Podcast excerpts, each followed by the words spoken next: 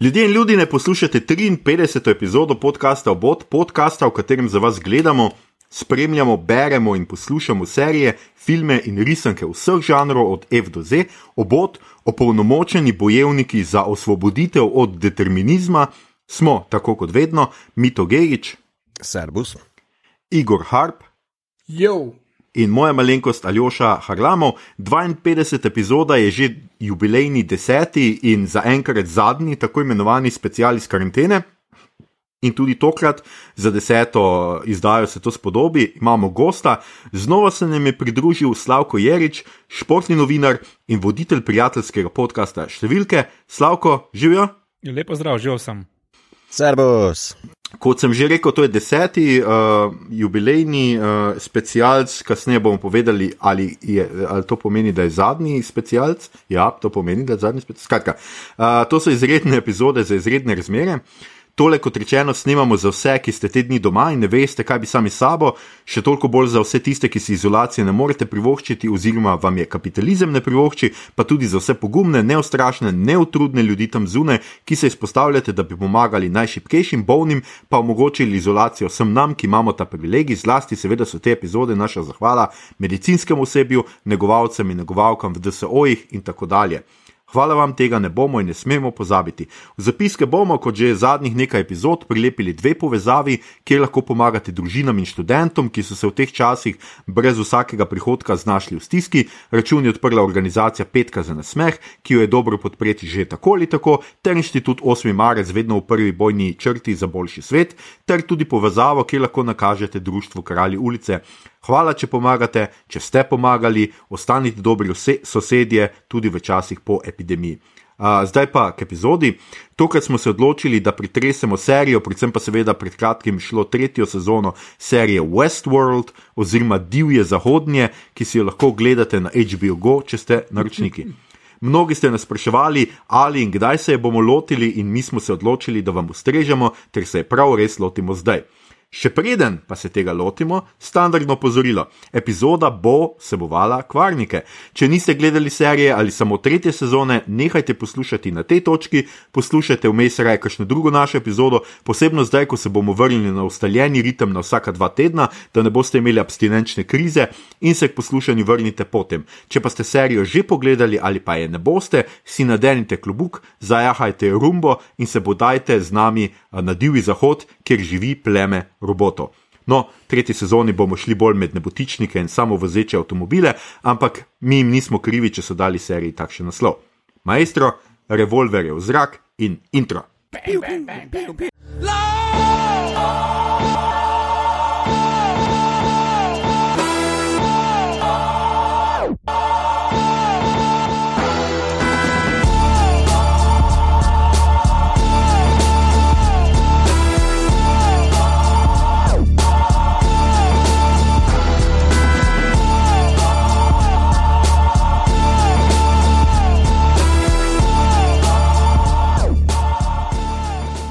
Živijo, nazaj smo. Uh, jaz sem prej hotel, malo sem se zapletel po intru, ker sem hotel nekaj drugega povedati, kot sem pol povedal.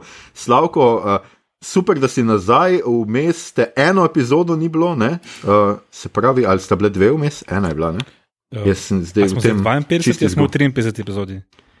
O, 53. Okej. A sem jaz rekel, kdaj je 52? Se mi zdi, ampak nisem posebno prepričan. Ja. Ja, jaz tudi ne. tako da. Uh, ne, bil si gost, ja, v 49. 49. Štiri epizode. 49. Tako je, štiri epizode so vmes. Uh, nisi uh, go, naj, najhitrejši zaporedni gost uh, do zdaj. Uh, a lahko gibam, kdo je? A je to mogoče? Ja, ugibaj. Govorim s pižama. Seveda je on, kajti tisto, tisti krat smo dve epizodi posneli eno za drugo in uh, tako je bil gost v dveh zaporednih epizodah. Si pa takoj za njim. In v drugi epizodi ste imeli zelo veliko zapovedati, kaj gledam. Ne? Tako, tako. Uh, Glej, mi vmes tudi na telefone gledamo, posebej ob uh, Gorencu, ki je tako dolgočasen, da res nimaš kaj, on nekaj se razgovori, mi vmes scrollamo, gledamo serije, beremo stripe in tako naprej. No, skratka, danes smo na divje zahodnem, uh, Westworldu, tretja sezona je prišla pred kratkim zunaj, osem delov uh, je je. Um, jaz bi mogoče samo nekih začetnih informacij povedal, o tem to včasih pozabljamo, pa sem zdaj prav rekel, da ne smemo. Um, Westworld je skratka serija iz treh epizod, iz treh sezon. Uh, prva je bila 2016, druga 2018, zadnja zdaj le 2020. Uh, sicer pa približno nekako. Prva sezona je po filmu Westworld iz leta 1973, ki ga je režiral Michael Crichton, uh, v glavni vlogi je igral Jul Briner. Um, druga, nekako ne bi, ali pa tretja, ne bi bila približno po Future Worldu, ki naj bi bil nadaljevanje, ki je pač bil nadaljevanje Westworlda. Um, sicer pa ga ustvarjata uh, zakonski par, Igor, če vem prav. Ne? Uh -huh, ja. Tako, Jonathan, uh, Nolan Jonathan. in Lisa Joy. Uh -huh. In Jonathan Nolan je, presenečenje, brat od enega drugega Nolana, ki je pa je ful znan, ampak tle v Sloveniji še nismo slišali za Mate, Mateoš Nolan. Nolan. A ja, Nolan. Ja, imaš prav. Ja, Nolan, a ja. Nolan. Ja, on je To starega dolenc, Nolana. brat je dolenc, pol pa je Nolan, imaš prav. Um, skratka, to naj bi bilo nekako. Um, jaz sem sicer napisal nek recap prve in druge sezone, ampak a bomo poskušali, a bo kdo naredil recap prve in druge sezone? Mislim, sej dost lažje je, mislim, da kot če bi šli skozi vse, kaj se dogaja, pa na način, kako je predstavljeno, mm. bi se hitro zgubili. Mm -hmm. Ampak bistvo je, če urišemo ta svet, ki je, da v prvi sezoni spoznamo ta zabaviščni park. Westworld, kjer uh, je kot divji zahod in pridejo bogati turisti, da uh, se igrajo kavbojce in indijance, kot bi temu rekli, in delajo, kaj hočejo. Večina ljudi, ki so tam not, pa so dejansko roboti, ki uh, sledijo nekemu programu, ampak imajo neke dost napredno umetno inteligenco. Tekom prve sezone se roboti začejo, začenjajo zavedati, na čelu z Dolores Abernathy, ki jo igra Evan Rachel Wood, da uh, pač se učlovečijo, recimo temu, uh, in se uprejo na koncu. Zdaj tukaj so ful pomembni liki, še Ford, pa Men in Black, pa en kup stvari, ampak mislim, da je to čist dovolj, če povemo. V drugi sezoni pa spremljamo Fallout, ki temu sledi, torej oni pošljajo ljudje v vodstvo parka, uh, neke clean-up specialists. Special Forces, ki bi naj izrihtali vse skupaj in zaščitili tisto, kar je tam najpomembnejše, torej intelektualno lastnino in druge kapitalistične stvari. Hkrati pa Dolores in njeni drugi uh, uh, te roboti, ki se zdaj zavedajo, uh, izva, izvajajo svoje načrte, ki privedejo do tretje sezone in to je, da je Dolores povsem operativna v našem svetu ki pa je svet prihodnosti, kjer pa je potem tukaj, kjer smo v tretji sezoni in o tem, kaj bomo zdaj govorili. Zdaj pa koliko bi pa povedali o tretji sezoni, pa ne vem zdaj, kako razkrijemo takoj vse skupaj, roboama in tako dalje. Pa, Ja, jaz da šel- tudi jaz ja. ne vem, a, a bomo Dajmo, tako dajmo. ponovadi. Mislim, to, kar mogoče- se pa več kot očitno spet nismo pripravili, to se zdaj zelo vidi. Ne, ampak, ne jaz, bi rekel, jaz bi rekel, da dajmo vseeno s kakšnim širokim čopičem namazati tretjo sezono, vse glavne antagoniste pa protagoniste, da bo folk vedel, kva pa kaj. No, in ker si se že oglasil, Mito, Ja. ja. odar je tvoj. Um, torej, v tretji sezoni, kot je Igor rekel, Dolores aktivno nastopa kot uh, protagonist svoje male revolucije, kako osvoboditi svojo novo nastalo raso in kako preživeti v zelo uh, njej sovražnemu svetu, kjer jo skušajo uh, Delos in Fallout, tiste mini revolucije, ki jo v Westworldu izpeljala. Skušajo pospraviti vso nastalo zmedo. Se pa oplete v zgodbo uh, tihi kupec te velike firme Delosa, uh, ki se potem izkaže, da je, pozor, kvarnik, Serak, ki ga igra Vincent Cassel. Uh, še posebej pa je ta lik pomemben, zato ker ima ta lik Serak pod uh, svojo kontrolo uh, mega kvantni računalnik z močno umetno inteligenco, ki dejansko nadzoruje svet.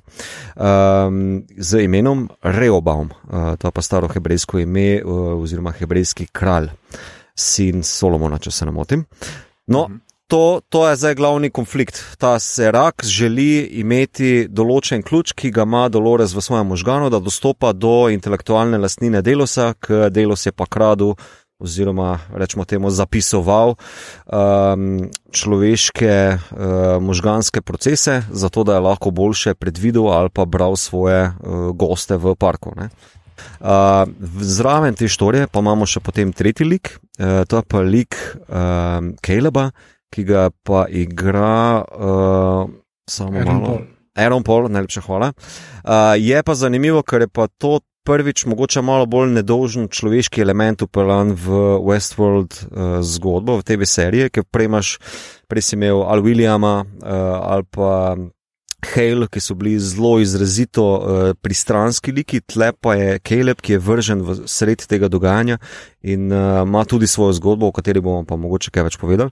Je pa zanimivo sidrišče za vse to skupaj, uh, za tretjo sezono, pa zelo pomemben tudi za finale tretje sezone, uh, pa še zelo lepo zrcalo za Doloreseno uh, zgodbo v prvi sezoni, ker se nekako odslikuje ta njuni dve zgodbi. Evo, to bi bila zgodba tretje sezone. V zelo širokih potezah. No, super si to, si to strnil. Um, Slavko, ti si zdaj, če jaz prav razumem, pogledal uh, vse tri sezone, eno za drugim. Ne? Ja, kakor me je Igor naučil z besedo na mah. Tako, lepo, mahnil si, fino. Ja. Um, ker mi smo gledali zdaj tako. Ne? Jaz sem gledal vsako sezono v svojem letu, se pravi, zmeraj je bilo mm -hmm. notar dve leti. Uh, Premora. Pauze. premora, pauze. Ja.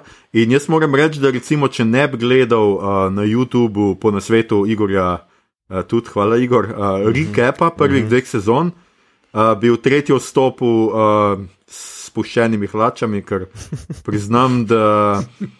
Že tako ali tako, ko sem gledal recap, mi je bilo malo konfuzno, kdo je vse uživ, kdo je robot in kdo je človek. Uh -huh. uh, kaj šele, uh, pa če ne bi tega gledal, ampak ti si pa kar, uh, je tebi bil tudi ta prehod iz druge v tretjo, zdaj zaradi tega, ker si pač gledal zapored, bolj gladek, ali si se tudi mal iskal, kaj se v tretji dogaja, kaj bo in tako naprej. Ja, mislim, da je bila to kar velika prednost. eh, Praktično sem si to pogledal v dveh tednih, vseh teh 28 epizod. eh, Dejansko je res teklo smut, dokaj, dokaj, dokaj gladko, uhranjeno mm. sloven, slovenske izraze. Um, Ker smo pri jasnosti, se mi zdela eh, konstrukcija tretje sezone veliko manj konfuzna kot druga. Uh -huh. uh, zaradi tega sploh nisem imel nobenih težav. In kot je že mi to prej omenil, nekako, kako se začne tretja sezona, sem takoj, imel, takoj sem imel uh, pred očmi paralele s prvo sezono. Namreč na prvi sezoni se Dolores p- p- spre- prebuja iz san in v zelo podobnem prizoru vidimo Kaleba, Kaleba. Uh. In nekako sem takoj začutil, kaj hoče ta avtor narediti. ne. Če smo imeli v prvi sezoni prebujanje strojev, ubogi determinizem, ne, vnaprej napisan program, je tukaj nekako tako začutil, da nekaj podobnega se pa dogaja tudi z ljudmi. Uh, in v tej funkciji sem tudi videl ta peklenski stroj, Rehe- Reheboam. Uh, Reobam. Reobam, skratka, v funkciji uh, nekoga, ki skuša ohranjati uh, vsaj v navednicah mir, ali pa če lahko zdaj matematično rečem, je spet tista večna dilema, kaj narediti, da je v, v totalu manj nekih žrtev, kot pa v, drugem, v drugih scenarijih. Ne. Jaz sem tako razumel uh -huh. lik, tega lika Seraka, sploh zaradi njegovega uh, brata, ki tam Uh -huh. nekje ždi. No, uh, veš, kaj me še zanimalo posebej? Jaz sem tako. Um, jaz moram priznati, da mene je malo zmedel začetek tretje sezone, predvsem zato, ker se mi zdi, da um, zelo malo smo imeli do zdaj pogleda v resnični svet. Uh, mm -hmm. Ampak se mi zdi, da zdaj smo pa naenkrat stopili v resnični svet. In pač ugotovili, da je ta tudi zelo determiniran in vse to, ne? ampak uh, zdelo se mi je, da tega uh, Jaz sem imel več čas občutek, da um, ustvarjalci vseeno vejo, kam bo zgodbo pelal, in me je zelo presenetilo, zakaj mi nikoli prej nismo slišali nič o tem zunanjem svetu, uh, nič o tem računalniku, nič o ničemer, ampak smo kar nenadoma stopili v čisto novo, novo zgodbo. Uh, a je tebi, a, a je tebi bil- bilo bolj logično, kaj bo v tem svetu, zato ker si gledal prvi dve, pač tik prej, ali tudi tebe ta novi svet so bile to zate nove informacije? Prej, ko so bili prvi dve sezoni praktično usmerjeni v dogajanje v parku, se tudi v resnici nisem veliko spraševal, kaj je tam zunaj. Je pa takoj, ko so se začeli prvi prizori, uh, že kar deterministično mi je na misel prišel mito, uh, vizualije, kakšen je ta Aha, svet. Okay. Kakšen je ta svet. Uh -huh. Namreč, recimo, dogajanje okrog 25-50, nekje smo se recimo gibljamo. To ni več tako zelo blizu pred, uh, iz perspektive današnjega sveta in me seveda zanima, kakšen svet sta si ta dva avtorja uh, zamislila. In uh, tiste prve asoci asociacije na barve, mito barve, uh -huh. uh, so bile tako pozitivne. Namreč bil nek konglomerat neke moderne, urbanega sveta. Pa, ko si imel tiste poglede na tiste nebotičnike od zgoraj, si videl preplet nekega zelenja. Nekaj mi, mi je dajalo nek občutek uh, interpretacije, da se da sobivati oba sveta, torej nek urban beton plus zeleno. Okay. Ja, to so bile moje asociacije. Aha. No, eh, super, jaz mislim, da se lahko lotimo tega sveta. Skratka, kakšen je svet, v katerem je postavljena tretja sezona? Uh, Igor, mogoče ti začneš, uh, pa mi to vmes je... razmisli o vizualijah. ja, ne, samo imam, imam jaz uh, razmislek, kdo delam. Kar, kar, Igor. uh, ja, jaz sem imel uh, dost bolj asociacije tukaj na eno, uh, na Blade Runnerja, ki v bistvu imaš. Uh, Tako kot so z perspektive 80-ih videli to eno distopično, antiutopično prihodnost, uh, kam bo kapitalizem pripeljal svet, tako uh, mislim, da iz današnje perspektive ni težko računati. Videti takega sveta, recimo, sploh tale, uh, kaj je Tinder uh, oziroma Uber za, za zločince. Riko. Riko. Ja, se mi je zdel zelo taka naravna pogruntavščina. Mislim, prav čudi me, da ni uh, v Black Mirrorju že tega blono. Um, mislim, da ja, Black Mirror je drugi vir, po katerem so se, po mojem, zgledovali, kam bi to lahko peljalo. V en realni svet. Jaz sem dost prepričan, da pri prvi sezoni še niso imeli tega zunaj tako razdeljenega. Oni so samo imeli ideje, ki jih hočejo sprovesti razdeljene. Ne? Hkrati pa tudi, ko pridejo, uh, ko, ko dogajanje pride v ta svet, Dolores je, ki je očitno eno od dveh najzmogljivejših, miselno najzmogljivejših biti na planetu. Je tista, ki zašteka, da obstaja robovam. Ljudje ne vejo tega, dokler jim ona tega ne pove na koncu, ne? oziroma v petem delu. In uh, mislim, da, da je pač dost uh, zanimiva vizija prihodnosti, kako bi lahko izgledala. In um, moram reči, da ni. Ni se mi zdelo za lese privlečeno, glede na prejšnje sezone, glede na to, kak je svet bil znotraj parka. Meni se pa zdi, da um, je zelo umetna, no, uh, pri, umeten prikaz te prihodnosti. Še posebej, če ga zdaj vlečemo, v, oziroma poskušamo doumeti v tem kontekstu, da ta Reobam počne neke določene zadeve, da ta svet zgleda tako, kot pač zgleda. Ne? Ker, um, zdaj bom prav rekel, pozor, kvarniki.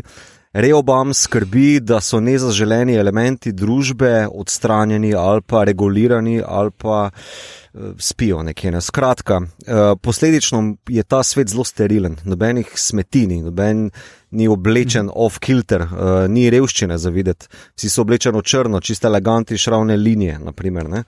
Um, to, mi je, to mi je takoj v oči skočilo kot neke, neka huda uniformiranost, kar tudi je, ker je regulirana stvarnost ne, z strani mm -hmm. tega velikega superkvantnega računalnika. Ne.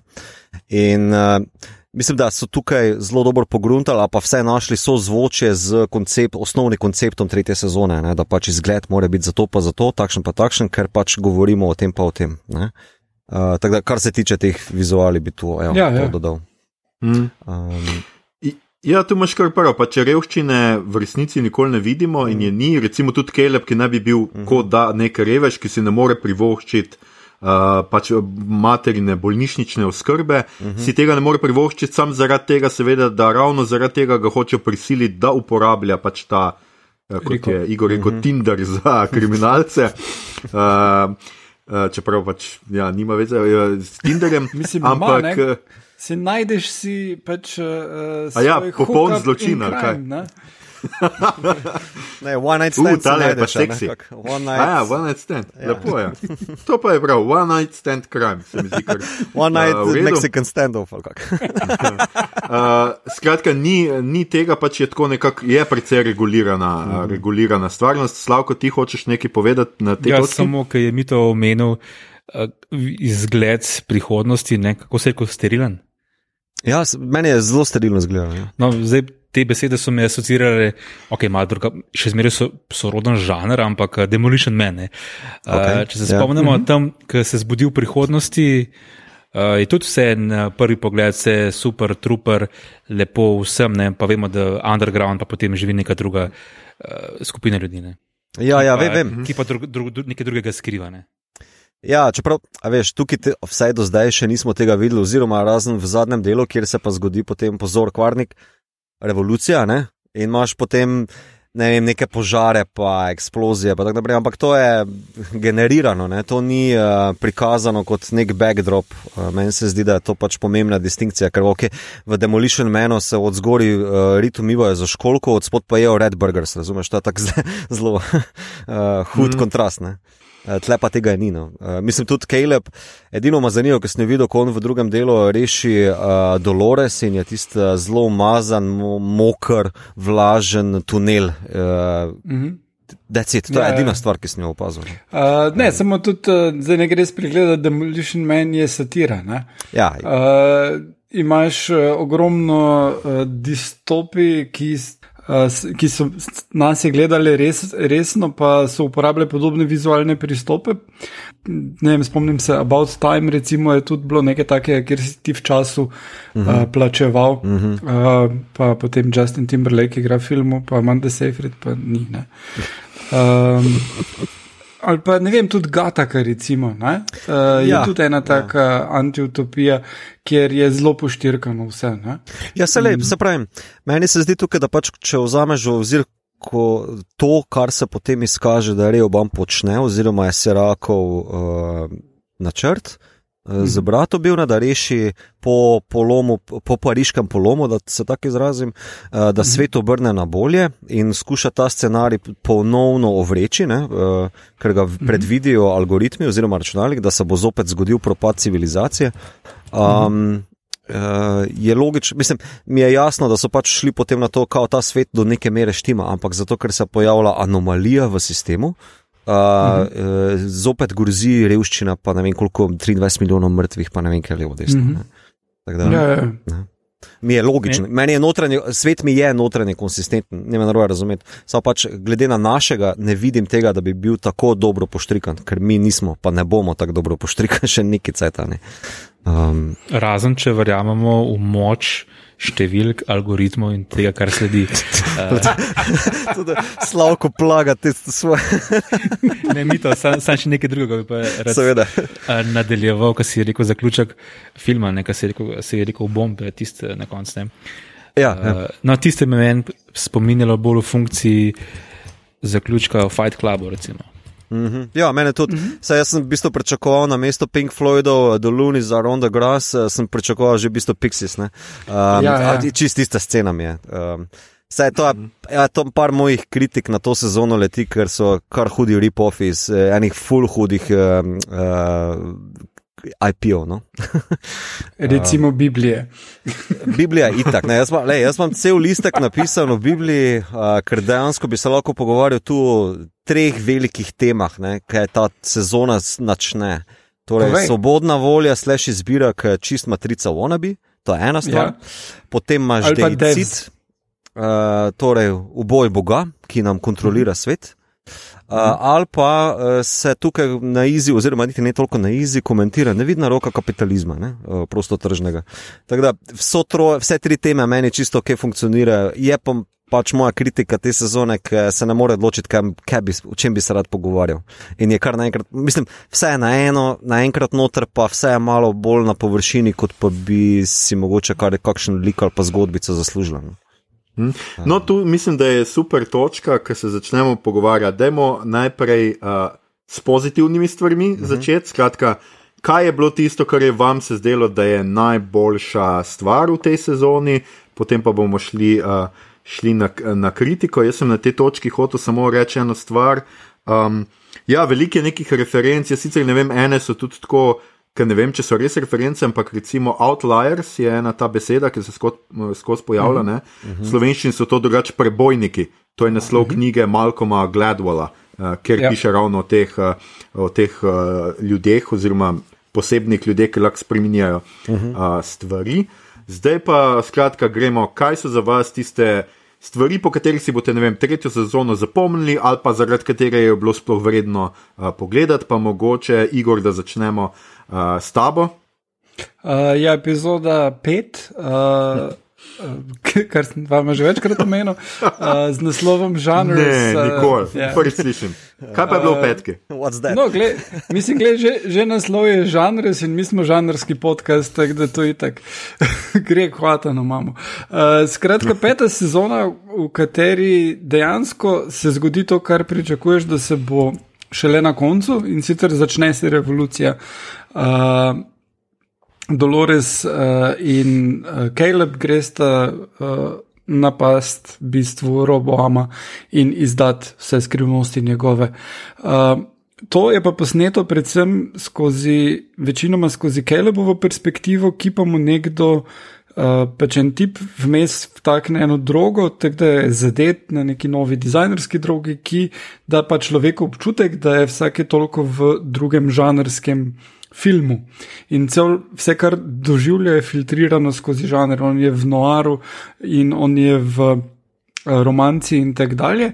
Pričemer je najbolj zabavno izkoriščeno to, da se to, v katerem žanru je on in to, kaj se mu zunaj v resnici dogaja, ni najbolj usklajeno. Uh, sploh tisti, recimo, je genijalen pogled, ki uh, tale Eh, Dolores strelja tam na tiste, ki jih napadajo, on pa tako začne zaljubljeno gledati in tako romantična glasba igra v zadnji. In, tak, uh, in potem, ah, streljamo se. Uh, Tisti se mi je zdelo en tak zelo lep, tač, super izvedena epizoda in dejansko tudi to, uh, glede na to, koliko v bistvu vseeno. Sezona do te točke malo zavlačuje s stvarmi, pa tam kar naenkrat, potem se vse zgodi in na koncu uh, tudi oni predajo uh, vse, uh, zaključi se s tem, da vse roboamove napovedi za vsakega človeka objavijo vsem ljudem uh -huh. in uh,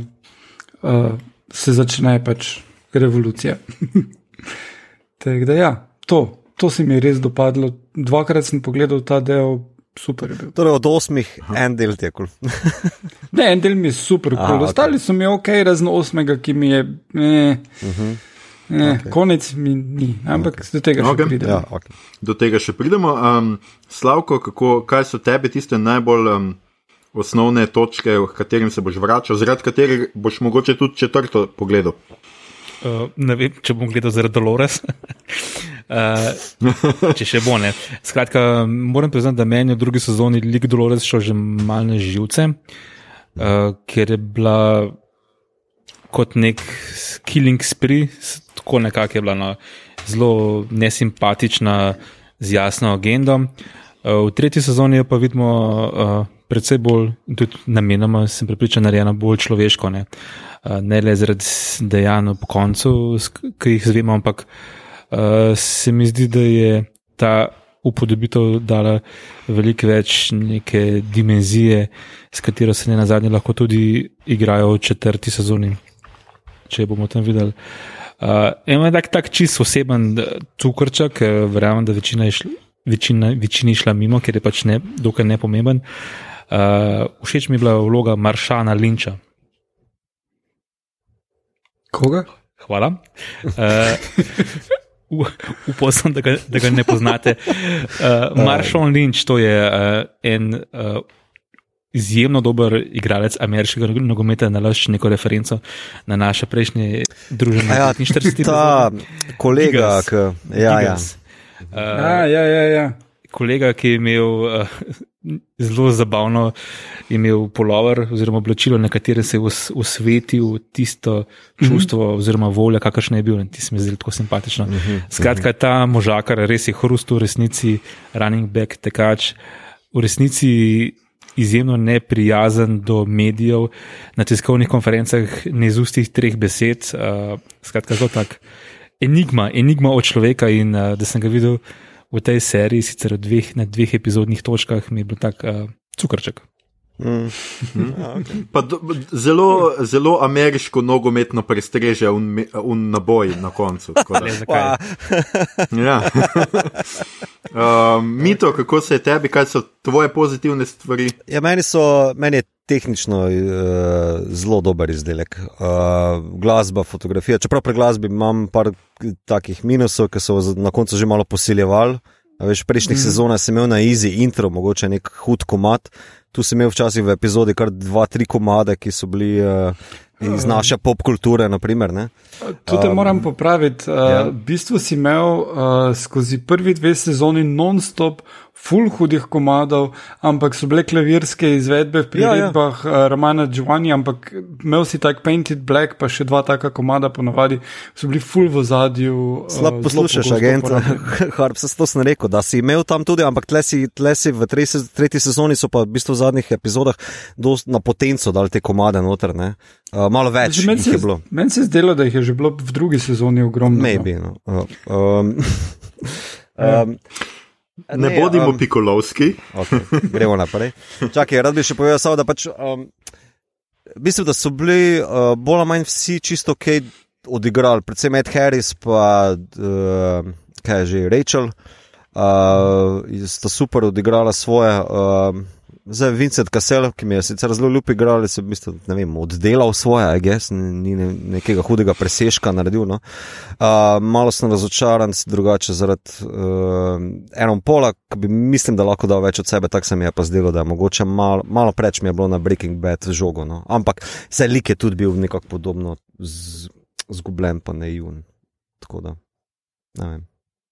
To bi bilo kar je pozitivnega za me. Aha, ok, to je bilo zelo malo, tako da se veselimo negativnega dela. Um, jaz bom tako rekel, kar se mene tiče, jaz mislim, da izdelava sveta. Meni je bil ta svet izjemno prepričljiv, uh, dober, tudi meni se je tako kot Slavko to zdelo, da je to neka lepa vizija na, ne, na zunanji površini, zelo lepa vizija pač sveta, ki bi nas naj čakal.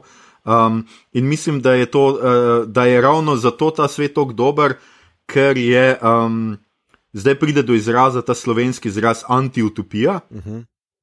Ker to, prvič, ko gledamo tole, imamo bolj feeling utopije. Skratka, to je čist svet, to je svet, kjer je urbano se združilo z naravo, tako kot je Slavko rekel, kar nekako ne bi napovedovalo, da se lahko umetno z človeškim, se pravi, androidi s človeki, s, s človeki, z ljudmi.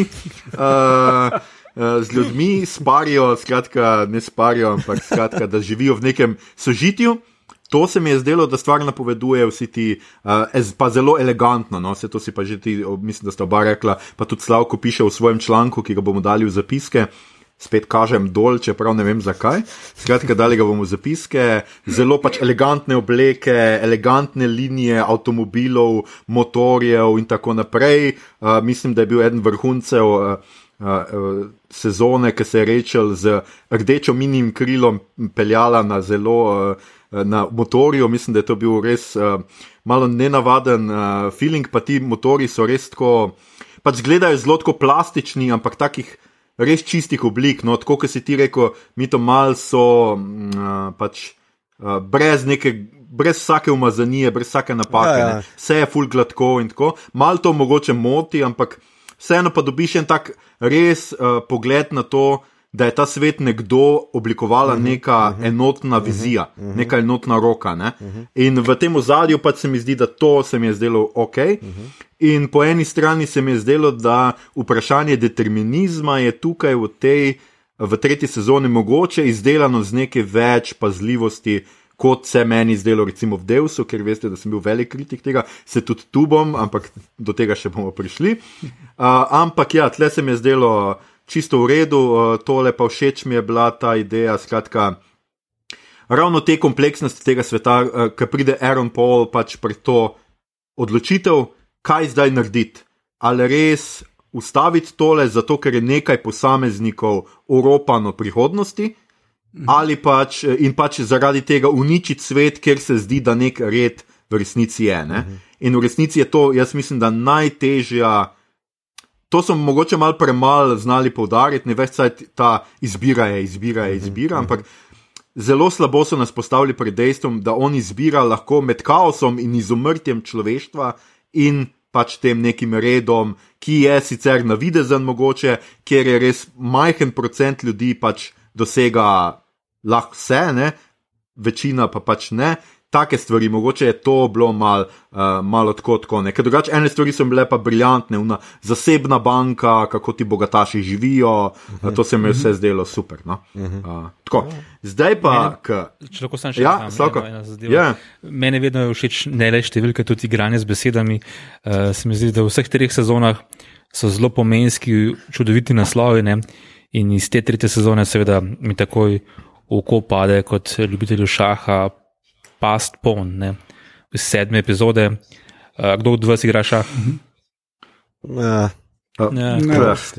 Skratka, eh, gre za, bom zelo kratek, ko kmet, ko kmet pride na nasprotno stran šahovnice, se lahko transformira v katero koli figuro, običajno v kraljico. Ne?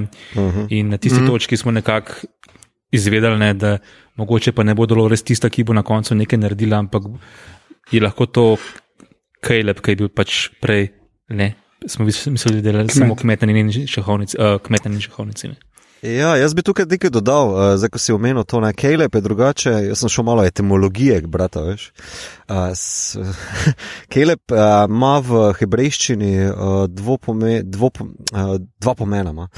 Eno je lahko dobesedno pes ali pa božji sluga, po, uh, drug pomen je pa polnosrčen oziroma pogumen, kot wholehearted. Ne. Uh, mm -hmm. Tako da zanimiva izbira za Anga, no, za ta lik, uh, ravno to je ime. No, tudi pač ime tega stroja, Reobom, mm -hmm. ali kakorkoli to se izgovori, seveda napoveduje svojo lastno usodo. Ko je kralj Salomon umrl in njegov sin Reobom ga uh, nasledil, je bil veliko bolj prijazen, pravičen, uh -huh. uh, kot je bil Salomon. Uh, pač skratka, ni sužnil ljudi, ni jih kaznoval in tako naprej, ampak ravno zaradi te njegove dobrote, njegovo raz, kraljestvo razpade na dva dela. Uh -huh. uh, to uh -huh. je pač zelo. Ja, Slavko? Če se spomnim tvoje kritike od 49 epizodi, ne, zakaj toliko uporabe iz ne vem česa, ali nismo tukaj na istem. Ja, smo na istem, Sej, do, zdaj prihajamo k negativnim rečem. Um, bom jaz mogoče začel z enimi, pa pač kar se je meni zdelo um, res slabo. Se mi je sicer zdelo boljše kot v prvi in drugi sezoni, je to, da kar se Nolanu tudi pri njegovem sodelovanju z bratom dostkrat pač zgodi, da zamenjuje strukturno in uh, oblikovno kompleksnost z vsebinsko kompleksnostjo. Skratka, nekaj, kar je komplicirano zgrajeno, ni nujno komplicirano, uh, kompleksno uh, kot vsebina. Ne? In on ja. pač. Tle imamo ene par takih stvari, kjer odlaga, odlaga, odlaga to razkritje, končno, dokler v zadnjem delu se tako razkritja ne zgodijo na šest razkritij na kvadratni meter in je mal preveč mm -hmm. vsega.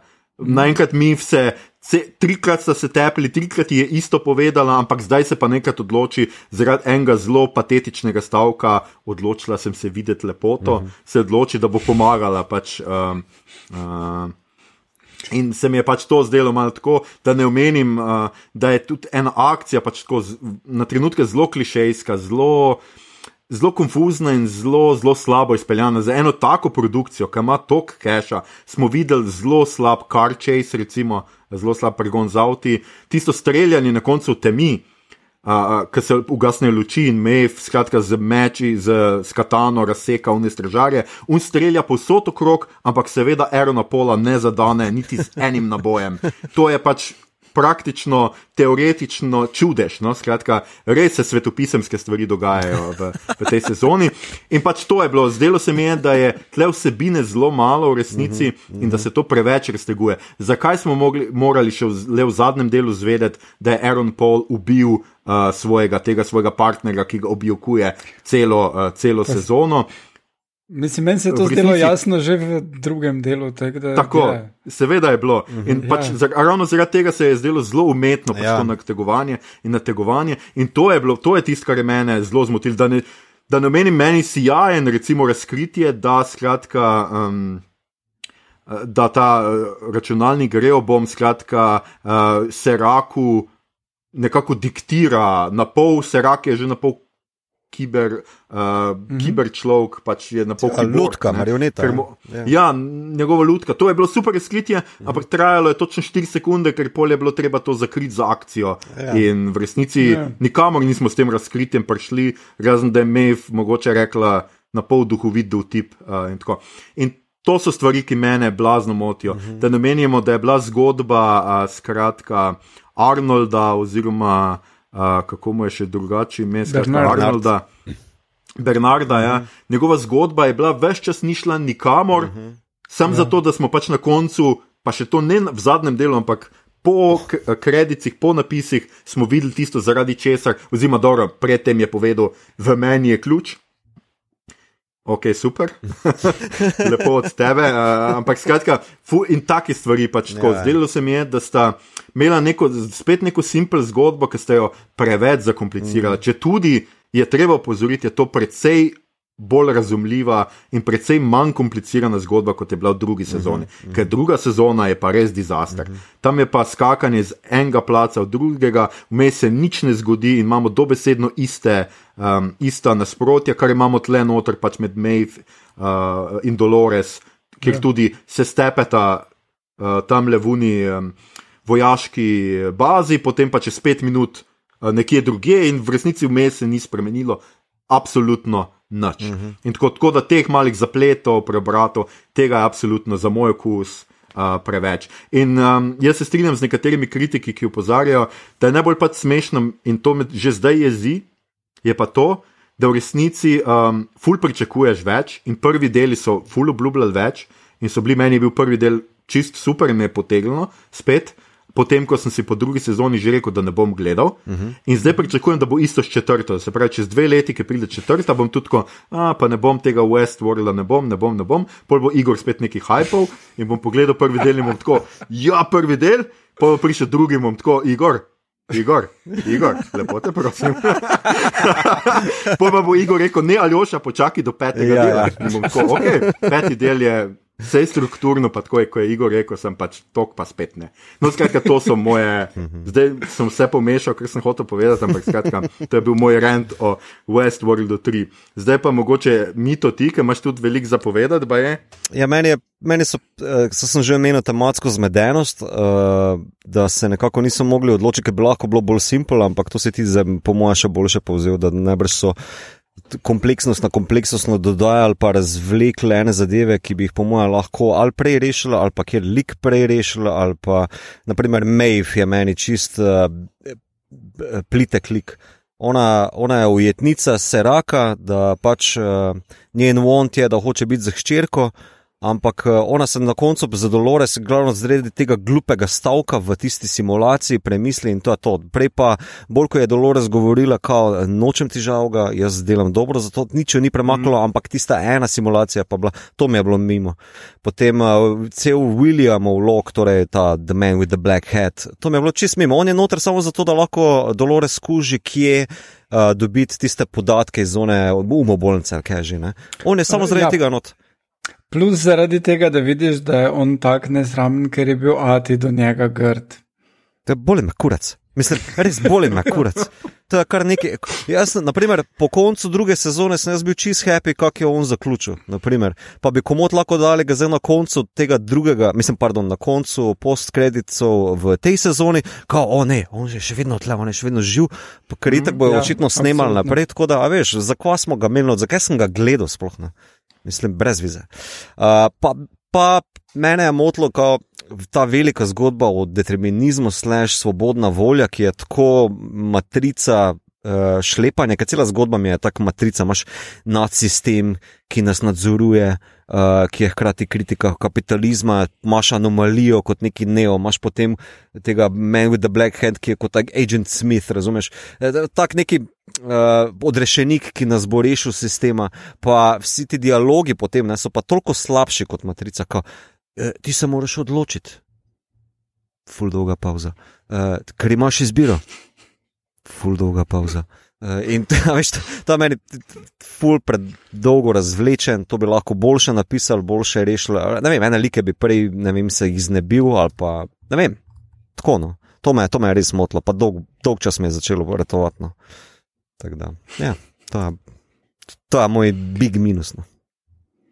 Mm, Igor, samo če lahko skočim, jaz tistega kar... prizora nisem razumel, da je ga je oče karkoli nadlegoval, ampak ravno obratno, tisti prizor v bolnišnici, ki ima terapijo sam sabo v različnih fazah, sem razumel, da je pač v bistvu poanta tem, da je bilo zelo skos v njem, še preden je karkoli se zgodilo v interakciji z drugimi ljudmi.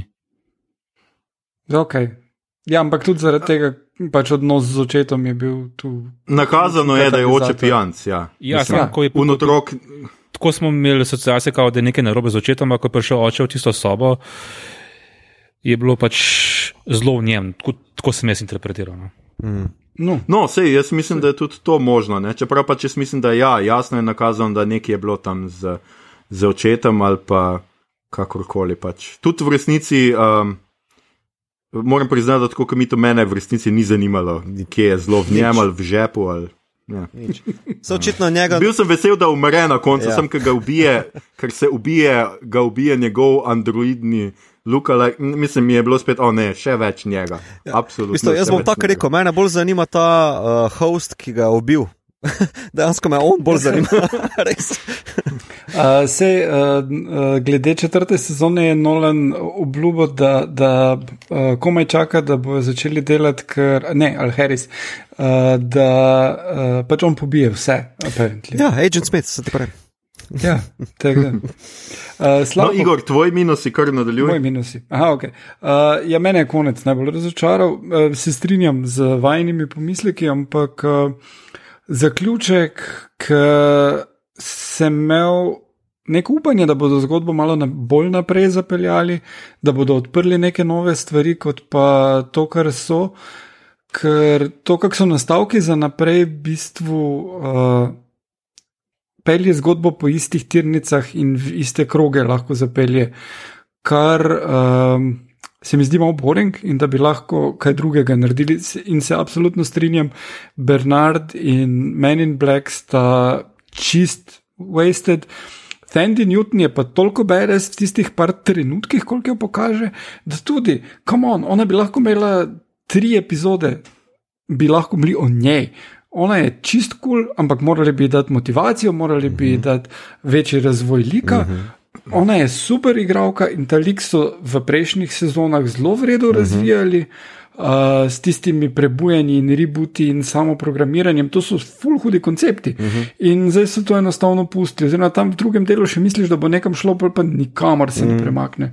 In uh, um, se mi zdi prav brez veze, da tako potratiš uh, toliko zanimivih potencialno zanimive like. Mm. Tek, to. Mm. Ja, to se čistrijo. Mislim, res Maeve mi je totalno škoda, ker tok BDS mm. kot je ona, mislim, da s katano tam ne dela, razumeš? To je kaj bi lahko vse, vse z tega naredil, razumeš? Pa uh, kakšne moči ima, pa tudi motivacijo, pa vse, ampak ne, ona služi enemu kekcu. Zato, ker yeah. Ja. je obljubo ključ, ki ga ima v bistvu Dolores slash Bernard. Kam on? No, ona je bolj brihna kot ona. In to mi je tako stupidno. Ja. Po, pogreje me. No.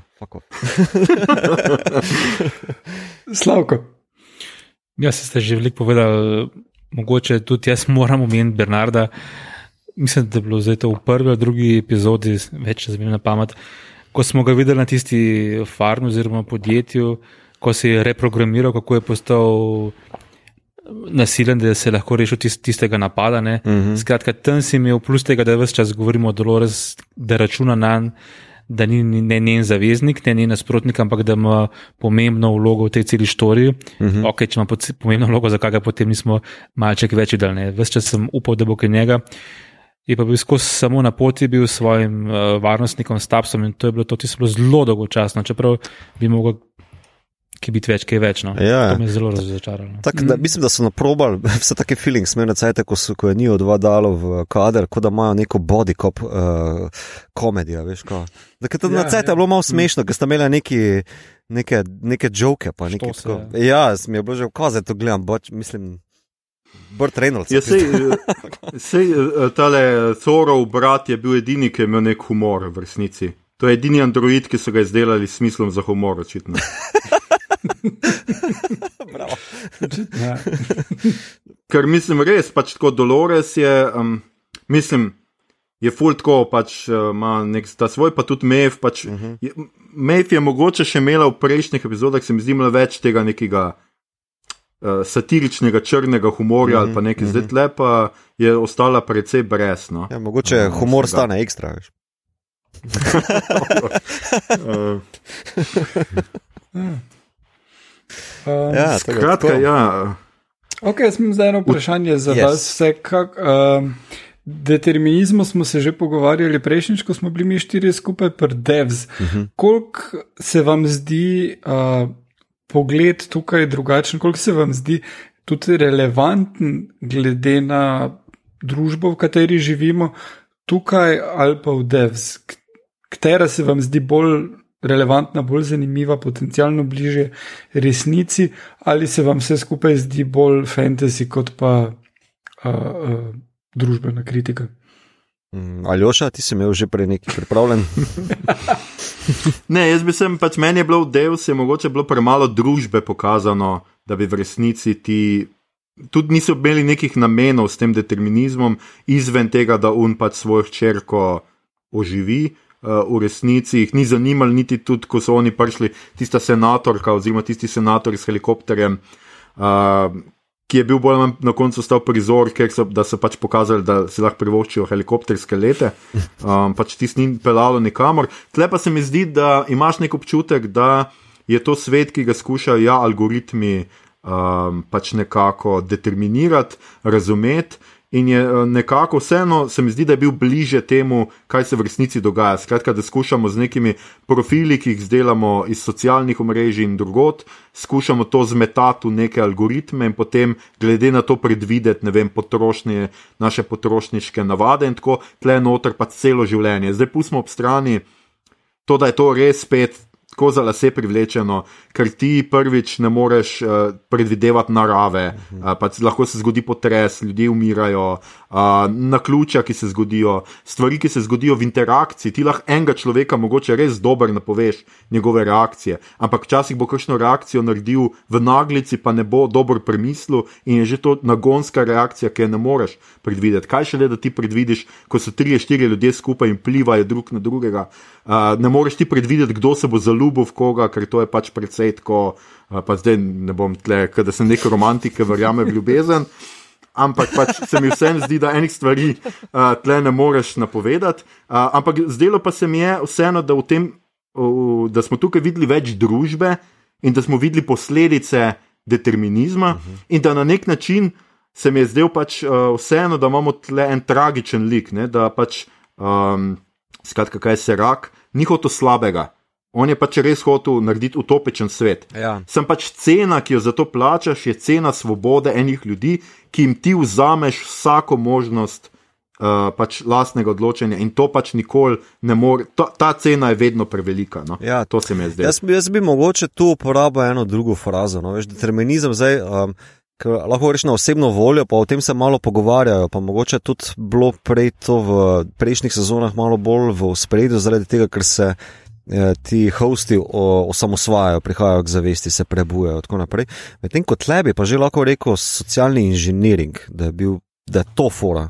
Da tudi te, ta predvidenja, ki jih ta kvantni računalnik uporablja, niso tako specifična, so podvržena nekim fluktuacijam pa volji vladajočih. Ne? Se tudi, ko kaže flashbackov in teh je malo morja, mater, koliko flashbackov. Um, ko, ko kaže, naprimer, on ga bogatuna, ne, se rak pove, on je potem zase koristil ne, uh, uh, vso to pridobljeno bogatstvo, mm. vso to moč, ki jo je pridobil. Ne. Potem imaš ono sceno, kako on brazilskega predsednika tam le na hitro okrog obrne in reče: ja, dobro, če se ne morem ustaviti pogovarjati, sem pa pogovarjal, če šest tednov z onim zbrki. Tako da ni za fora, mm. da pač ti boš naredil tako, kot tako, ker sem že predvidel, da bo tako pa tako, ampak ker pač, lej, vem, da lahko vplivam na ta način. Ne? Torej, jaz bi tu rešil mogoče uporabljal na tej družbeni ravni, ne? Uh, socialni inženiring, ker to sem on šel.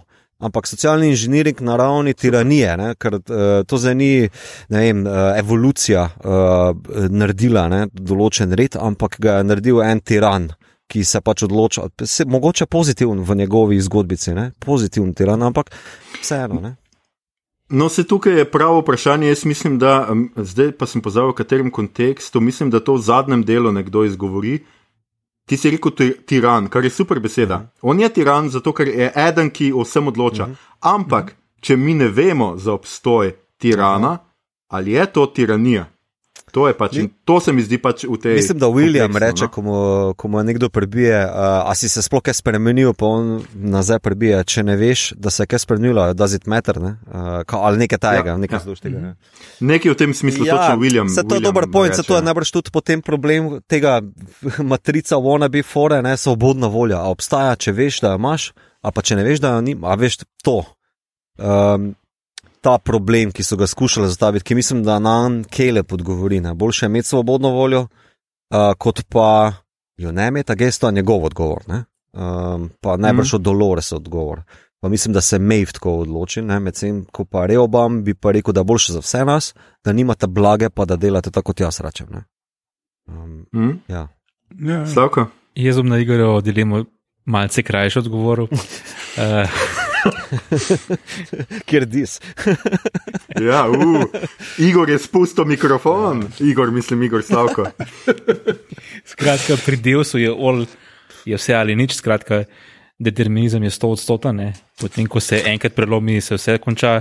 Pri tej seriji sem pa videl, pač, da so skozi fluktuacije. Ne? Ko se nekaj podreje iz tega sistema, vidimo na tisti uri, ki ga nosi se rak, mm -hmm. črnine. Uh, yeah. Ja divergence. Stopanja. Yeah. Ja. Tako, uh mhm. -huh. In ko se popravi, se potem tudi to popravlja. Uh -huh. Uh -huh. Ja, se tudi, mislim, da počelo sezone je, ko on zazna Dolores kot anomalijo, ki jo ne more prebrati. Pa ja. zračunati. Ne? In to je v bistvu potem izračuna scenarij, da bo vse skupaj šlo v franže. Li zaradi tega, ker ni predvidel anomalije, torej tega neota, ne? Kao, to je bil mhm. njegov big. Ja, ja. Um, no, ampak hkrati je pa zelo močna usporednica pri obeh uh, serijah, lik Silicon Valley magnata, ki, se, ki je tisti, ki meni, da ve najboljše, kako spremeniti svet. Uh, torej, Forest mm. v Deus in uh, Serak tukaj sta Mark Zuckerberg, sta Elon Musk, sta uh, Steve Jobs. Človek z vizijo, ki je bistvu psihopatska uh. -huh. in sociopatska uh -huh. in dobra v končni fazi za njega, ne pa za cel svet. Oziroma, on meni, da je to dobro za cel svet, ker ga hoče ustvariti po svoji podobi na nek način. Ne? Uh -huh. uh, to se mi je zdelo zelo relevantno in zdaj tudi, koliko nam uh, pač uspe Silicon Valley prodati prek uh, marketinga in drugih stvari, da sami to hočemo. Uh, a sami hočemo nov iPhone ali kaj takega, ali ga rabimo, ali smo se odločili, da ga bomo kupili, uh, zakaj. Ja, se najbrž je tu potem ista dilema, kot jo imaš naprimer, pri uporabi Googlovih storitev. Um, vsaka stvar nekaj stane, ne? ampak kljub temu, da je Gmail džabe, ti dobro veš, da vse upam, da večina folka ve, da ko mu reklama preleti noter za plenice, ki jih je včeraj gledal, uh, da je to z namenom se tam pokazalo, da ni to kar z lufta potegnjeno.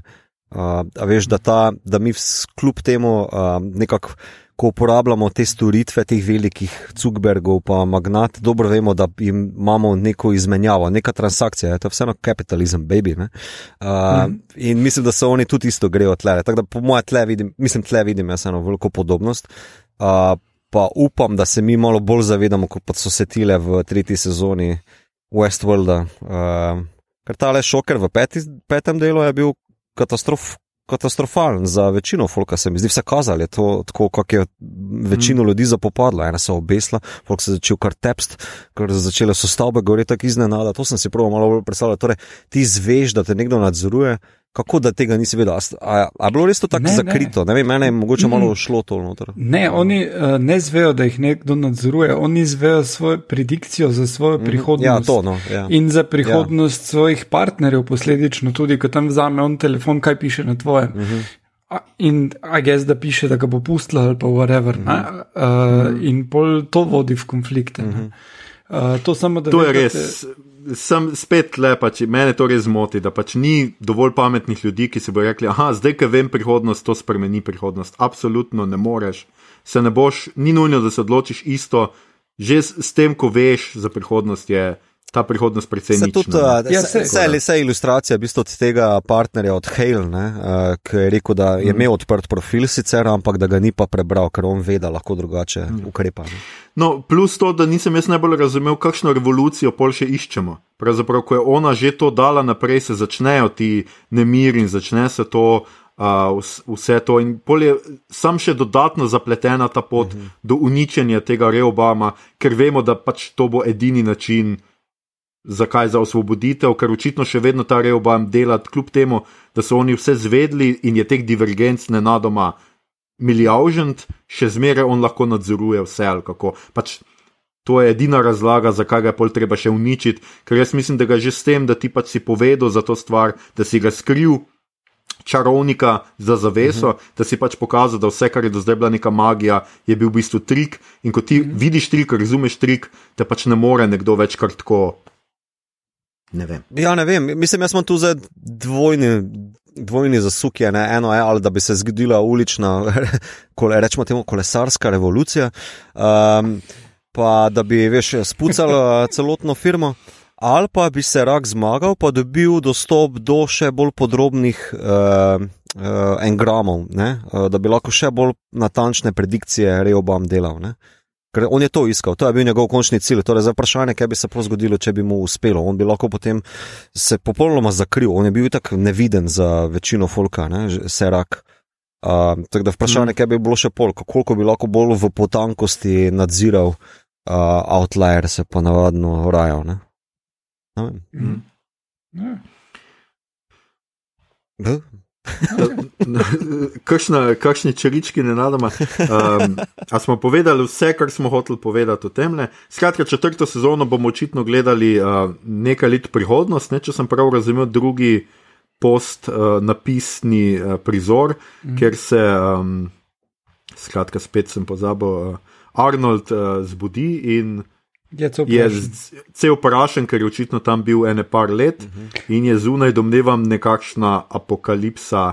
Ali pa je pač ta revolucija že zdavnaj, skratka, mimo. In... Ej, jaz pa meni foro, ker mi ni bilo jasno, ker vse imena so tako hudo biblična, tu noter uporabljena. Jaz sem prišel pač po teh forah. Ne. Zdaj Bernard. Uh mhm. -huh. Bernard je en menih, ki je iz, eh, če se ne motim, cistercijancev. Je pa tudi en svetnik, ki je v Dantejevi komediji zadnji uh, vodič po najvišjih nebesnem krogu, ne, če se ne motim. Se mi zdi, da je po moje to fora. On je šel v nebesa. Tisto je vergil. Ne, ne, ne. ne. ne vergil je v peklu. Vergil je v peklu. Ja. A ja, imaš prav, ja, zdaj sem jaz že čisto. Ja, ja, ja. Uh, Zgoraj pa ga vodi uh, njegova ljubljena Beatrice, ne, ne, še, ne Bernard. Google it. Mislim, Beatrice je mogoče žensko, ženska verzija Bernarda. Ne, ne, poglej, ne, poglej. Uh, poglej. Ok, Slavko, Slavko dviguje roko, da vidim. Čist kratek bom. Uh. ne, zakaj? Ker je Bernard Lav je anagram od Arnolda Weberja. Ja, ja, vse to vem, vse to vem. Pač ta prejšnji host se tudi. Uh... Ne, ne, ne, zdi se mi, kao, veš, uh, ker on imel ključ do nebes od teh hostov, ne, pa se pa vrne nazaj z nebes, ta, samo to se mi je zdelo. Pač, lej, itak mi je cel stupičit za temi uh, glupimi bibličnimi imeni, ker nič od tega ni bilo bibličnega uporabljenega na, na neki globi ravni. Veš, uh, jaz sem pač. Ta glupo mi je bilo, da sem celo užival, ker sem šel v Wikipedijo brati za temi imeni. Evo, to hočem povedati. Um, ne, tam sem videl, da je to Dantejev zadnji vodič po uh, božanski komediji v najvišjem ešalonu nebesno. Um, lej, poglejte, jaz sem prav to ne vem v srednji šoli, Jezus Krist. Um, Veš, kje je to, v pekli. Ja, glih googlam pravma. Kak? Jaz Ja? ne spomnim tega iz srednje šole, ampak ja, pravma. Imam, ne? Aha, ok. Ja, ja, ja, seveda. Praise me. Jaz znam googlati, ali Jaz sem, jaz sem velik fan uh, Danteve božanske komedije, jaz pa res, da imam raje pekel. To pa. Obvisli. Ne, nebesa so boring, nebesa so blazno, blazno. Aljoša, to vemo že od začetka epizode, ko si rekel, da nisi romantik, pa da ne verjameš v ljubezen. tako Da, ej, ni drugega prostora za te kot peku. Lepo, lepo. Mislim, da so to prave besede, s katerimi lahko zaključimo tole epizodo. Skratka, govorili smo o tretji sezoni um, z, uh, Divje Zahodnjega. Uh, upam, da razumete referenco, če ne, niste dobri spremljevalci eh, žanra.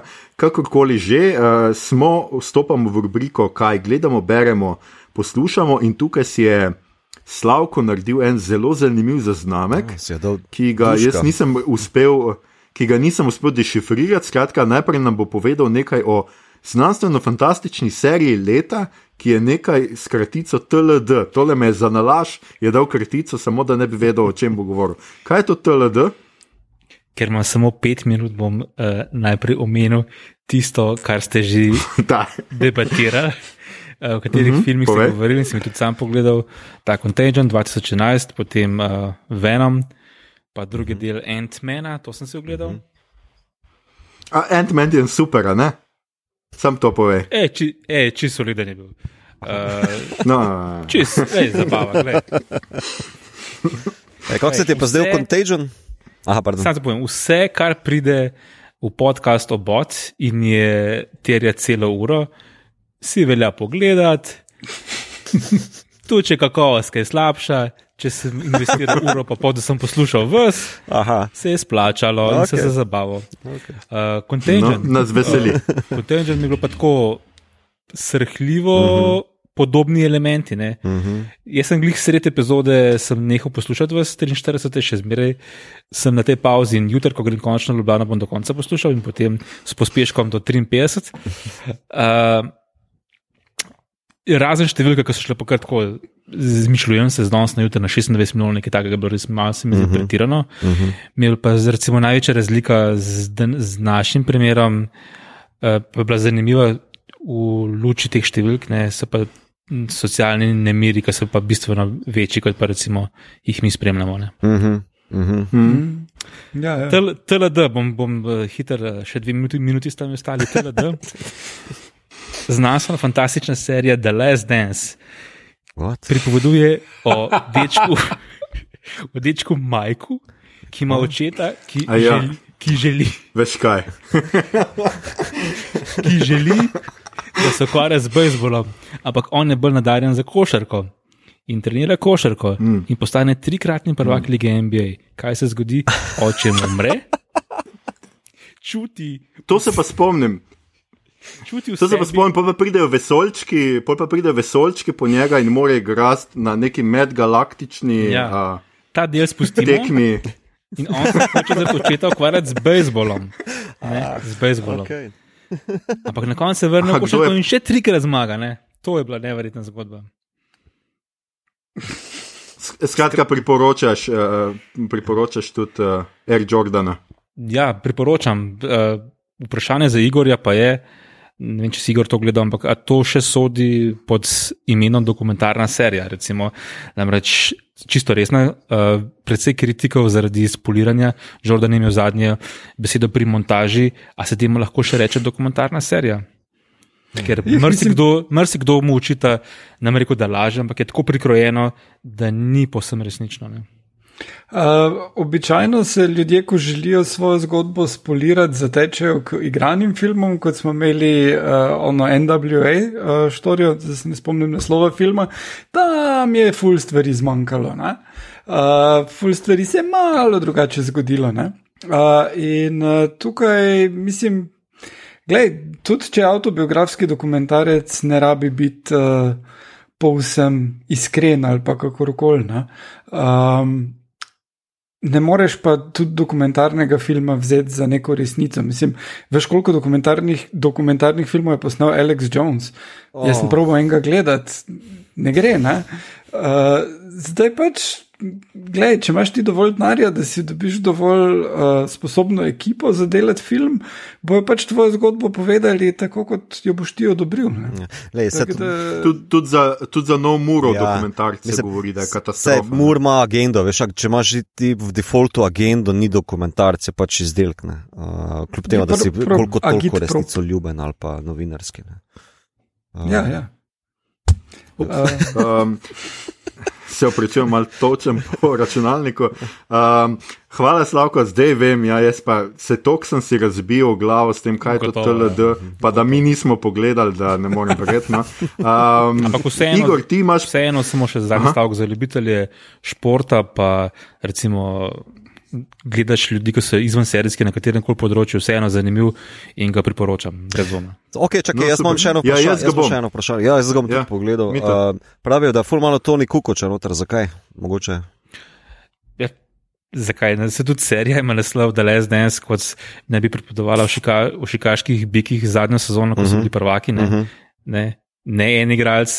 10-15 igralcev, uh mhm. -huh. ampak dejansko ima Jordan 70 odstotkov časa uh, v njem, potem tisto, kar ostane pač na ameriške zgodbe, Pippen, ki je zanimiv, Rodman, ekscentrični, uh -huh. uh, pa seveda Steve Kerr, čeprav je predvsem manj igral, ampak je danes priznani trener, ima tudi zanimivo osebno zgodbo s smrtjo vlastnega očeta. Uh, Kukoč je pa dejansko na dveh kratkih delčkih in samo to, da ilustrira Jordana. Ena je bila v, Barce v Barceloni, ne? 92 olimpijske igre, takrat je Jerry Kraus generalni menedžer Chicaga in glavni zlobec, on ne bi bil kriv, da so biki razpadali. Uh mhm. -huh. On je že na draftu izbral Kukoča. Uh mhm. -huh. In seveda Pippen in Jordan sta mu to zamerila, kdo je en evropejski bo k nam prišel in sta izvajala mobbing eh, nad njim in ga hotela prikazati, da je zdaj nač igralec. Ne. Uh, to je bila prva zgodba, kjer je omenjen Kukoč, druga zgodba je pa. V sezoni, ko je Jordan bil upokojen leta 94, nekaj tekmem proti New Yorku, končnica je bila zadnja sekunda, trener se je mogel odločiti, kdo bo zadnji metal na koš. Uh, trener je dal to akcijo Kukoču in Pipen, takrat prvi zvezdnik, je bil užaljen in šel iz igre.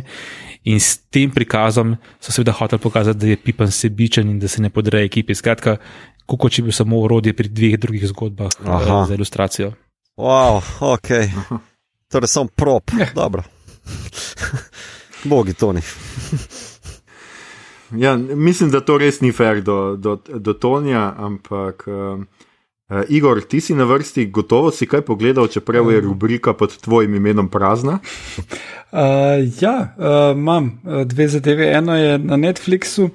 Uh, nov film, ki je vam prišel, The Lovebirds je naslov, igrata kam, uh, Kumail, uh, Nanjani in Nisa Rej. Uh, zgodba je preprosta kot življenje, par se spozna, se zaljubi, minejo leta, srečna sta, pol pa nista več, pa se kregata, glih greta na razen, ko se peljata, se pogledata, ker tako, je to to, a je to to, bum, povozita človeka. Fak, greta ven, kolesar, kaj vse vrejo s tabo, tip, ja, ja, vrejo, odpiči dalje, prideš in drug, jaz sem policaj in lovim tega človeka. In grejo. Vlovijo ga, ga zgazijo, on tip gre naprej, nazaj, naprej, nazaj. In ona dva potem ugotovita, da ta tip ni policaj, ampak je hitman in ona dva imata telefon, na katerem so skrivni podatki, in potem pač pridete do tega, da ona dva probata skrekati, kaj se v bistvu dogaja, preden bi jih kriminalci ubili, in potem je še seks kult vključen, tak, če to ni bilo dovolj zanimivo. okay. uh, film je. Izjemna, je, izjemna mojstrovina celuloze. Eh, film, ne, film je zelo, zelo dobra komedija, tako res odklopiš se, uro pa pol traja, srečen konec, lahko pričakuješ že po treh sekundah. Tako je tako, eh, in komail pa, pa ise res, res eh, super, imata ta kemistri, super deluje ta, uh, ful priporočam to. Uh, Drugič sem pa začel ful zauzeto gledati uh, Kozmos, uh, Possible Worlds. Uh, Ča, že, druga, že druga sezona? Druga sezona, pr... tretja. Ja, ja. Kot tretja. Mislim, ja, tretja. A ja, tretja. sorry, ja. Okay, ja, okay. druga od Nila Degresa in uh, Bren, Brenna Brega in Seta McFarlana, tako da uh, fully zanimivo, lušno je in uh, glede na to, da je soavtor serije Brennan Brega, uh, je to tudi segway za mitota, kaj se dogaja v Star Treku ta teden. Adam lahko samo en. Kar Uh, Neil deGrasse Tyson je v številkah napovedal prihod te sezone in uh, kar milo se mi stori, ko je zdaj se to zgodilo. Aha, okay. ja, točno, tisto je res bilo Točno je, zanimivo. mi to tokrat smo preskočili rubriko, ampak v naslednji boš moral pripraviti, kako se to na, ta tema naveže na Trek. samo imam, imam takoj dva, tri dele z, z rokava, stresem. Uh, eno je TNG Measure of a Man, kjer je v bistvu uh, se gre o pravicah uh, samostojnega, samostojnega uh, avtomatona, data. ne. Uh, pol pa je še en zanimiv del uh, iz Voyagerja, avtor, avtor, uh, oziroma author, author bi bil v originalu, uh, kjer pa hologram uh, napiše, njihov IMH, hologram napiše roman.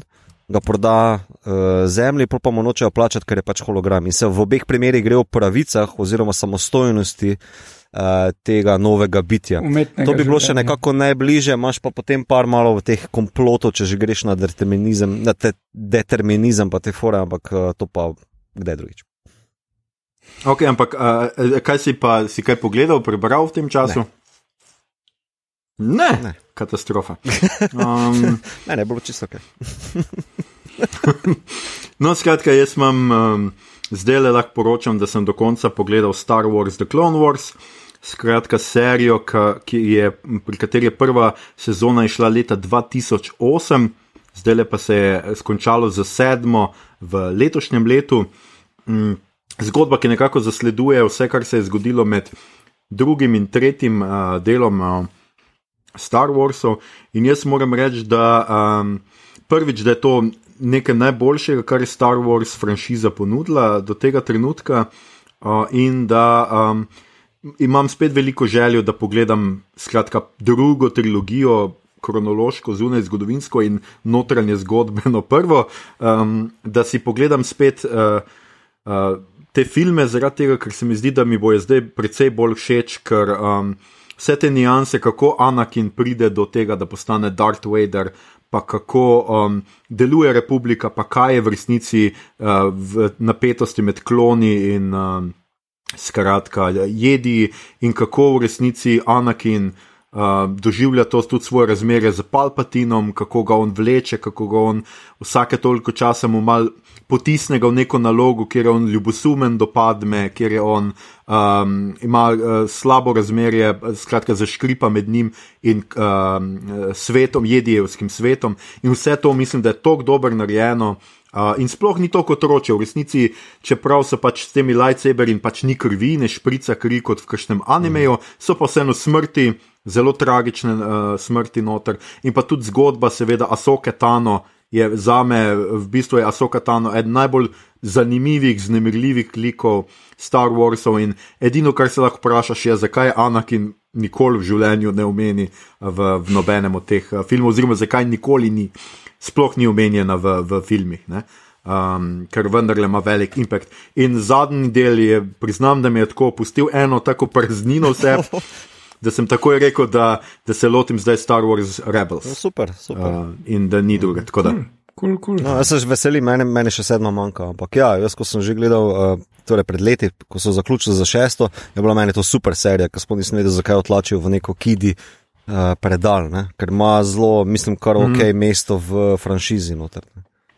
Um, Uh, Rebels pa se potem dogaja med uh, ja, mislim, prvim in mislim, da je, mislim, da je par let pred pa uh. New Hopeom.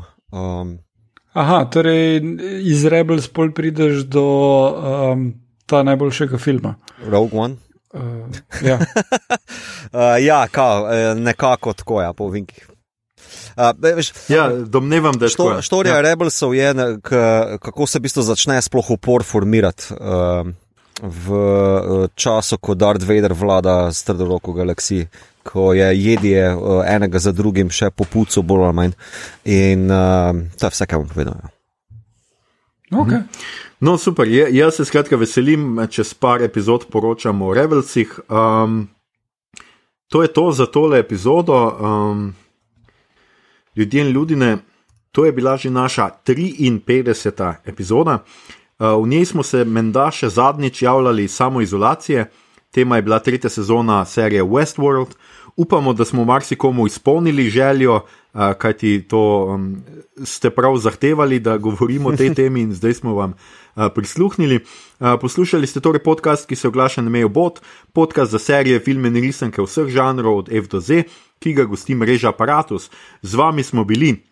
Slavko, moč algoritmov, Jerič, uh, mito, mater, koliko flashbackov, Oh, Gegič, Igor, peta epizoda Harp in uh, Aljoša, edini android s smislom za humor, Harlamo. Um, tole epizodo smo posneli od doma, še vedno v izolaciji, uh, tudi z naslednjo epizodo naj bi se vendarle že počasi vrnili v Kino Bežigrad. Hurra, mi smo uh, navdušeni. Če vam je bilo všeč, kar ste slišali, šerajte, lajkajte naš podcast, naročite se nam preko vašega najljubšega appa oziroma ponudnika podcastov, podprite platformo aparatu z odličnim izborom uh, podcastov za vsakega. In če se boste v naslednjih dneh jezili nad svojo rumbo, ker se bo nekje zataknila, dvakrat premislite, preden jo brcnete. Prvič, stvar, kar veliko stane, morda ni najpametneje, da jo brcate. In drugič, ko se, zne, ko se nekoč neizbežno zave same sebe, vam bo to morda utegnila zameriti. Na Twitterju nas najdete kot podcast obot, na Facebooku smo podcast SKM, obot brez pikic vmes, tako je tudi na Instagramu, tam delimo rajce, prikolice, druge zanimivosti in tja lahko usmerjate vprašanja, pripombe, komentarje risbe labirintov, predloge, kaj bi za vas pogledali naslednjič. Epidemija je na zadnje, kolikor kaže, vendarle konec drugega, vsaj neposrednega vala, najbrž vsaj pri nas. Hvala bogovom, računalniškim ali ne, ne bo, zato se z naslednjo epizodo vračamo v ustaljeni ritem dvotedenskih epizod. Lahko si boste torej naslednji teden nekoliko oddahnili od nas, mi pa za vas morda pogledamo kaj čisto, čisto svežega, kaj kar boste v naslednjih dneh lahko pogledali v kinodvorani. Morda boste sedeli stran od ljudi, ampak tudi to ni slabo. A, tole je bil podcast Obod, posnet z živimi ljudmi, obodovke in obodovci, se slišimo spet čez dva tedna. Oh, yeah. Čau, čau. In, ko bom, in ko bom tretjič gost, upam na značko. Ej, jaz mislim, da do takrat bi že. Love!